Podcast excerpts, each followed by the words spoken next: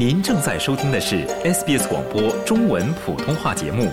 更多节目内容请浏览 sbs 点 com 点 au 闲斜杠 mandarin 或下载应用程序 SBS Radio App。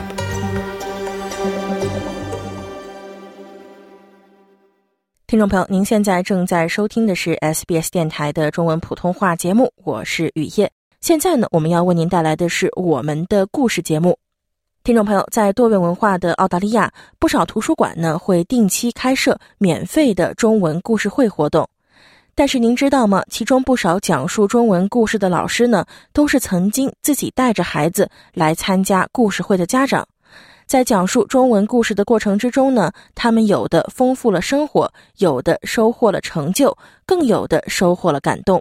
今天呢，我们的故事主人公是两位华人妈妈，他们轮转于墨尔本东南区的多个图书馆，为低龄儿童讲述中文故事。华人科科表示，希望幼儿能在其中感受到中文带给他们的一些快乐。让我们一起来听听看。我叫科科，为什么叫科科呢？因为我姓科，所以从以前学校里面就大家一直喊科科科科，所以我觉得也挺亲切的，小朋友们也比较容易记住。我讲故事应该已经有讲了两年多了。我还记得我第一次去参加故事会，正式的做故事会的人的话，是我过生日的第二天，所以我觉得是给我最好的一个生日礼物。就非常谢谢杰尼，可以让我来到他们这个很可爱的小团队。我呢是一个全职妈妈，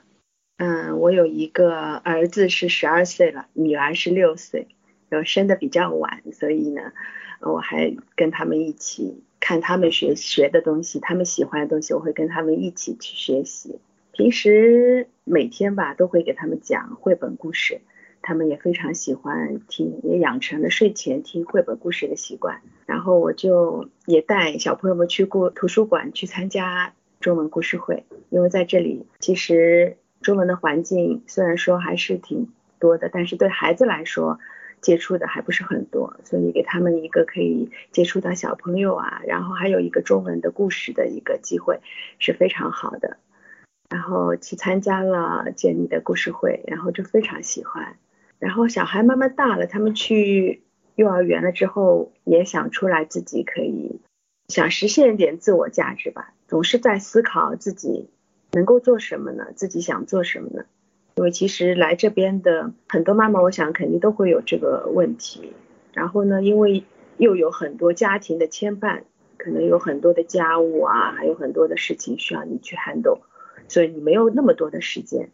然后很幸运、很开心的就加入到 A Little Chinese Adventure，所以也是一个可以说是寻找自我在澳洲价值的这样一个经历吧。也是想着用自己的一些时间啊，为小朋友们去做出自己一些力所能及的事情吧。那科科，你还记得你第一次讲故事的经历吗？我记得，因为其实我是一个很喜欢就是展示自己的人，我不是很害怕就是在很多人面前表演啊。因为从小在学校里面，我就经常就是主持人，在公司里面也是属于主持人啊那些。但是因为太长时间待在家里了，所以还是有点紧张。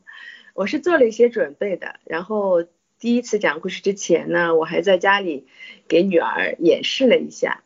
包括我会想象一些我讲故事当中怎么样会让它更生动呀，会搭配一些语气，或者还会用一些疑问让小朋友会有一些互动，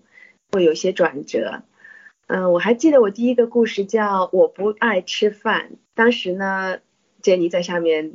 说我说的很好。就是可能有点一点点紧张，他说稍微速度如果再慢一点的话就更好了，然后给了我非常大的鼓励，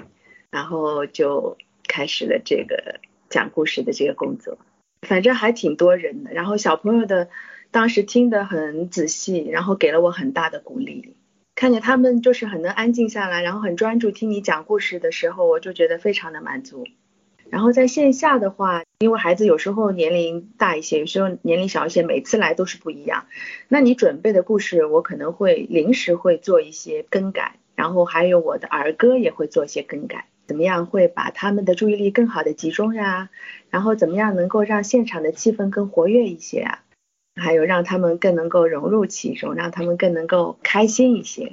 会做一些变化。所以我一般故事包里面会准备四五本故事，然后儿歌呢我也会多背一些，还会找一些相搭配的一些手偶，因为孩子们看见一些手偶呢会吸引他们的注意力，所以他们会更好的集中来参与你。可可，如果你想讲好一个故事，你觉得需要在背后去花出多少的时间呢？其实也是在不断的学习中的，因为我还是一直在有去参加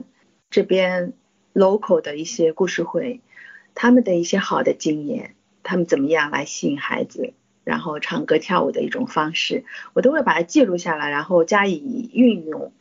还有一些可能因为儿歌嘛，我总觉得我们华人的儿歌其实非常枯燥，然后很单调，然后很多就是你唱出来，你也会觉得好，小孩子也不是很能理解他的意思。所以我就会经常去听一些一些当地耳熟能详的一些孩子喜欢的一些歌曲。我非常喜欢像 Emma 呀，还有因为我们家妹妹是跳舞的，很多老师他们会把很多儿歌啊运用到舞蹈当中，然后我就觉得非常好。我觉得孩子们应该在音乐当中受到一些感染，用唱歌跳舞的形式，然后知道很多东西，然后更能。了解一些中文的一些儿歌的内容，这样他们好像会更能接受。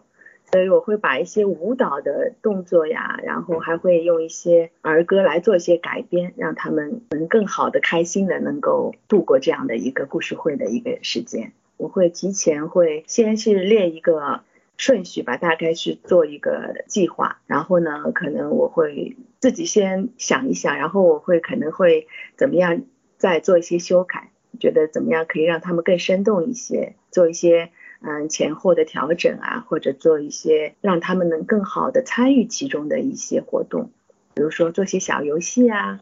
可以让他们有一些问答呀，这样。嗯，那科科，你刚才也是说到会把本地的一些英文的儿歌去，可能是翻译成中文呐，或者是在唱给孩子们听。那您觉得就是在澳洲为孩子讲中文故事是一种什么样的体验呢？因为很多这边不单单是就是他有一些中文基础，很多的小孩，比如说他们是有一些华裔，但是爸爸妈妈也不说中文的，其实他们中文是非常的不好的。就是讲故事有的时候你会觉得你讲故事稍微复杂一些，他们可能就有点坐不住，因为你在讲故事的当中，你会随时观察他们的表情啊情况呀。嗯，你怎么样？你可以在讲故事，通过一些肢体语言，然后一些表情，然后可能再配合一些，那你这个故事我可能会配合一些相关的一些小手偶，然后让他可能更多的了解，然后呢可能会语速也放的更加慢一点，然后让图片可以更好的让他们能够看清楚，能够让他们了解其中的意思，就希望他们能够慢慢的、慢慢的能够从。了解一些中文嘛，然后慢慢知道一些基本的一些，嗯，像打招呼呀，像很多的一些常识啊，比如说颜色呀、大小呀、各种动物呀，它是怎么叫的呀，然后他们会这样慢慢慢慢的，然后爱上我们的中文，然后也可以把我们的一些中国传统的文化呀。我非常印象深刻的就是，呃，参加了几个做我们的新年的活动。之前也是我得做很多功课了，因为我觉得很多我们自己都没有很了解很多新年的一些传统习俗。然后在这个当中也是自己一个学习的过程。比如说，我们可以知道那个让他们有个立蛋呀，那小孩子就非常开心的跑过来来参加一些立蛋的活动。就是中秋节之前不是会有一些立蛋的一些。嗯，民俗嘛，然后小孩子也第一次知道，觉得很有意思。然后这样的话，他们通过一些互动，加深他们对中国的传统文化的一些了解。嗯，那科科，你刚才也是跟我们分享了很多讲中文故事，在这个过程之中，可以如何去帮助这边的孩子去了解中国文化，去学中文。那对你来说，去讲故事意味着什么呢？我就是觉得非常开心的一件事情，每次去。讲故事的时候，其实有好几次，我都看到孩子们就是很早就坐在那边，很乖的就在等，就让我很感动。就天气也不好，我很担心，比如说今天已经狂风暴雨了，我就想，哎呀，今天肯定没有很多人。然后去的时候就看到爸爸妈妈们，他们也是很很积极哈，他们就是非常的就是有这种恒心，然后孩子们也是这样很期待的坐在那边说，哎呦做好了，赶快故事会开始，那就是给我一种很大的鼓励。在就是和孩子们相处的讲故事当中呢，那我自己也是觉得非常的满足，就觉得看见他们这样一天天长大，就有的很多孩子他们就是也很长时间了嘛，从还不会走路到现在已经是可以。虽然讲话还是不那么很多，但是他已经可以会有一点表达，然后也会表达对你的喜欢，就会让我觉得非常的有成就感。还有很多小孩子的妈妈说，你知道吗？我在家里唱中文歌的时候，他们会说妈妈唱的不好，科科唱的很好的儿歌很好听。然后我说不会啊，我说妈妈也唱的很好。就会说儿歌可能故事啊，会让他们有一些深刻的印象，那就会让我觉得非常的有成就感。可以在哪里听到你讲故事呢？嗯，就是这就是也是非常很可惜的地方，因为我今年就这个月月底我就要搬家了，就是要离开澳洲了，所以我觉得非常遗憾。然后这次有很多孩子们给我送礼物。有我们一起拍照，然后就很依依不舍，我觉得很舍不得。我说我会在那边多拍一点照片和视频，到时候放在我们的 Facebook 网站上面，也欢迎你们来看。然后他们有的还给了我就是电话呀、那 email 地址啊，能够保持一些联系，我觉得非常感动。嗯，因为家里庭的原原因，所以我要离开这边。我们有一个老师给我写了一大篇的他的感受，但是呢，他要移民到别的国家去了。他非常非常认真的一个妈妈，每一次都是努力的去准备。然后呢，他还给我写，他说，呃，他非常非常享受他这两年讲故事的这个经历，以及他刚开始非常非常紧张，到后来呢，他可以自己看这个故事会来的人，然后做相应的变化。到后来，他非常非常 enjoy 这份工作。他说他会把我们的这个服装。带着一个材料包带到西班牙去，他说他要看看当地的图书馆，要跟他们取得这个相应的联系，看看有没有机会。我们的这个很多妈妈们，大家都说这是一个非常非常让人开心的工作，像晶晶讲的，就每一次做完这个工作，你都是非常非常开心的，也是我的一一个愿望，也希望说能够还是能够坚持，如果把我们这个的小小中文家的这样的一个形式，能够再传播到其他的地方。我觉得这是我的一个愿望，就希望能够让他们更能感受到一些中文的带给他们的一些快乐吧。听众朋友们，刚才您听到的是在墨尔本的东南区讲述华人故事的科科带来的分享。那么，另一位华人 Sylvia 表示呢，为低龄儿童讲述中文故事，也帮助他完成了职业上的转变。大家好，我叫 Sylvia，我是呢啊在 A Little Chinese Adventure，然后呢给大家讲中文故事。我之前其实有跟 Jenny 和晶晶去聊天了，他们也是跟我分享，在 A Little Chinese Adventure 去讲故事的很多老师呢，其实都是之前听故事的孩子的妈妈。那 Sylvia，你的情况是不是也是这样的？也是一样的，就是我跟 Lila Chinese Adventure 的渊源也算是比较久。我记得当时是我的第一个小孩出生，当时呢我也是从 city 刚搬到这些 suburb，所以对整个周围的这些 community 一些东西是完全不了解。就是一个偶然的机会呢，听到哎图书馆有这个故事会，所以呢我就带我的小孩去参加。然后呢，也是大概是一五年，那都是很久以前了。然后呢，之后呢，就几年之后就有一个机会，然后呢，就有加入了这个 Little Chinese Adventure 这么一个团体。然后呢，就是刚开始呢是一个。一个参与者的身份，就是去听一个听众的身份啊，去去听咱们的中文故事，然后呢，也从中呢得到了很多的好处，比如说交了很多朋友，比如说我现在的很多朋友，我小孩的他们这个朋友也都是从那个时候开始大家建立起来的，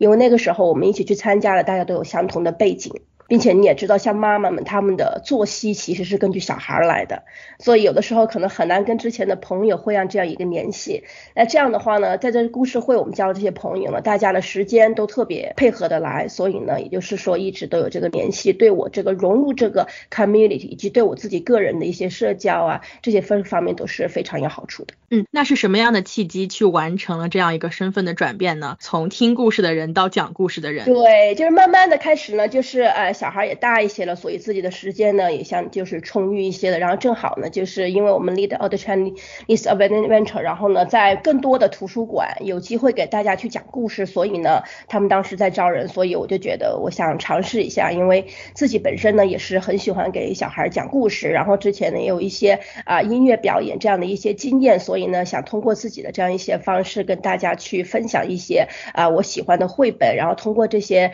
啊我喜欢的这些儿歌，更多的儿歌去分享给大家。是否还记得自己第一次去讲故事的这样一个场景呢？呃，我记得当时第一次呢是。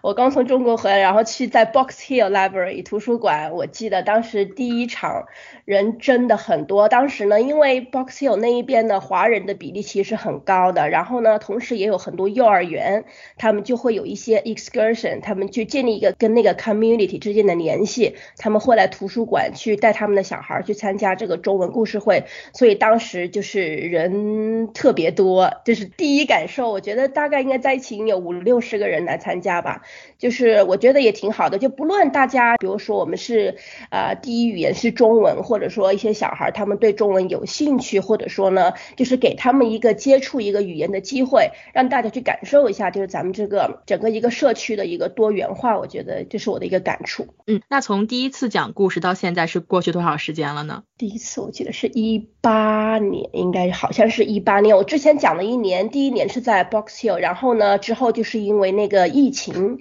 所以呢，几乎所有的图书馆呢，就是啊就没有开放这种面对面的故事会。但是呢，我们还是继续为了保持让跟小孩之间这样的一个 connection，所以很多图书馆呢，他们就是，呃，我当时就进行了我们一个 online 的一些网上的中文故事会，给大家进行一些录制。因为有的小朋友可能说长期参加我们的故事会，他就有一个这样的一个习惯，哎，比如说我每周五、每两个周五我都能去听到这个故事会。我们不希望因为这个疫情阻断了我们之间的这个联系。所以呢，我们就啊有这个网上录制这个中文故事会这样一个啊形式。从线上讲和线下讲，感觉最大的区别在哪里？线下讲的话，就是你能直接看到小孩的一些反馈、一些反应，是吧？然后呢，线上的话呢，我需要事先想好，可能说在某一些地方，哎，我们要设计一些给小孩，就是我们之间这样一些互动，但是呢，肯定没有面对面的这样的一些反馈更好。嗯，所以说现在疫情相当于是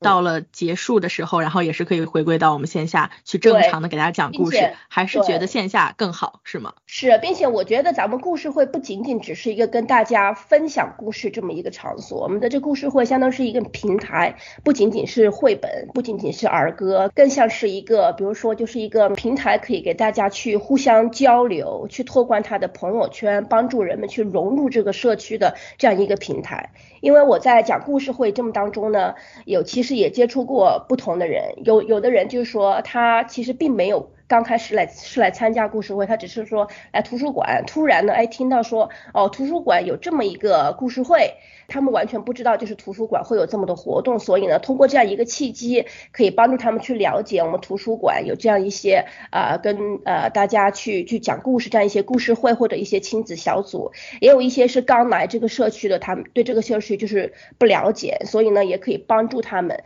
呃去了解一下怎么样的一些活动可以帮助他们这些新移民去适应这样一个新的环境。还有一些就是说帮助那些小宝宝们，一些妈妈们，他们之间呢就就是去啊交朋友，去建立这样一个友谊。所以这些所有的这些好处是之前在 online 这样一种啊这种形式是没法体现到的。刚才你也是说到，其实我们在线下讲故事不仅是。仅仅去讲故事，而是是一个社区可以去交流，然后可以获取各种信息的这样一个渠道，这样一个空间。那刚才也是说到，其实讲故事很多来听的孩子都是一些有华人背景的孩子。那您觉得，就是为澳洲的孩子讲中文的故事是一种什么样的体验？嗯，怎么说呢？其实很多小朋友吧，他们虽然就是咱们有的是第一语言，咱们是华人，但是呢，很多家长就是跟我反馈，自从上了幼儿园之后，他们就再也不跟我讲中文了。所以呢，他们就说我有什么样的方法可以让他去提升对中文的这个兴趣。所以呢，当他们来参加我们的这个中文故事会的时候呢，小朋友通过这些生动有趣的绘本以及一些儿歌。所以这只是一个起点，就是一个方式，让他们去接触，以一种更加呃愉悦、愉快的方式去接触咱们的中文。然后呢，通过这些儿歌绘本呢，他们去学习一些啊简单的去用中文去描述一些咱们生活中的一些东西，然后呢，去提升他们对中文的这个兴趣。我觉得这是一点。在上幼儿园之后，可能身边就是一些英文的环境，特别是在学校，可能没有机会去再学习中文，可能对中文的兴趣就慢慢淡下来了。我感觉就是如果能够每周听到中文的故事，对他们来说也是一个跟中文保持联系的这样一个非常好的机会。那刚才也是分享了可能对听到故事的孩子们的一些好处。那 Sylvia 对你自己来说，自己在讲故事的过程之中有一些什么样的收获呢？呃，我觉得对我自己的话，就是我在跟小孩的接触的过程当中呢，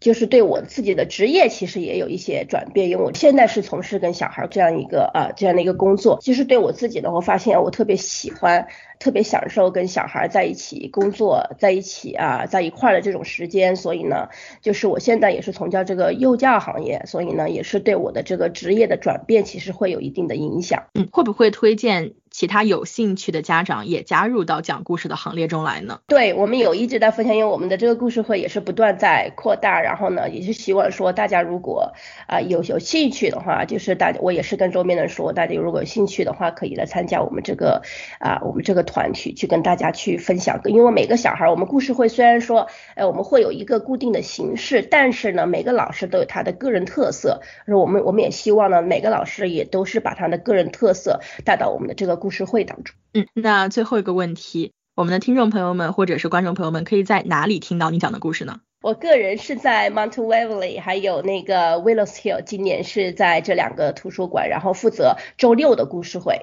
应该在很多地方大家都有见过我在 Box Hill、Doncaster，还有 a Knox，。还有 Roville 都有讲过故事，然后呢，我们那个周六现在那个呃 Mountain Valley 跟那个呃 Willows Hill 的故事会呢，主要是针对，因为有的家长他们就反馈就是说，呃，因为小孩就是会上幼儿园了，可能之前一岁两岁啊在家的时间比较多，但是呢，呃，到了三岁的时候呢，可能上幼儿园的时间就越来越多，但是他们还想来参加我们的故事会怎么办呢？所以呢，就是这么一个周六这样一个故事会呢，就是给大家有一个更多的机会，呃，也是方便。父母可以带他们来参加我们的这个中文故事会。嗯，好的，也是非常感谢 Sylvia 今天给我们带来的分享，也是非常感谢你的时间。那谢谢你。想在 SBS 当一回影评人吗？SBS On Demand 正在推送配有中文字幕的热门影视作品，您只需观看一部或以上影视作品，并把影评观后感发给我们，就有机会赢得一份 SBS 精美礼品。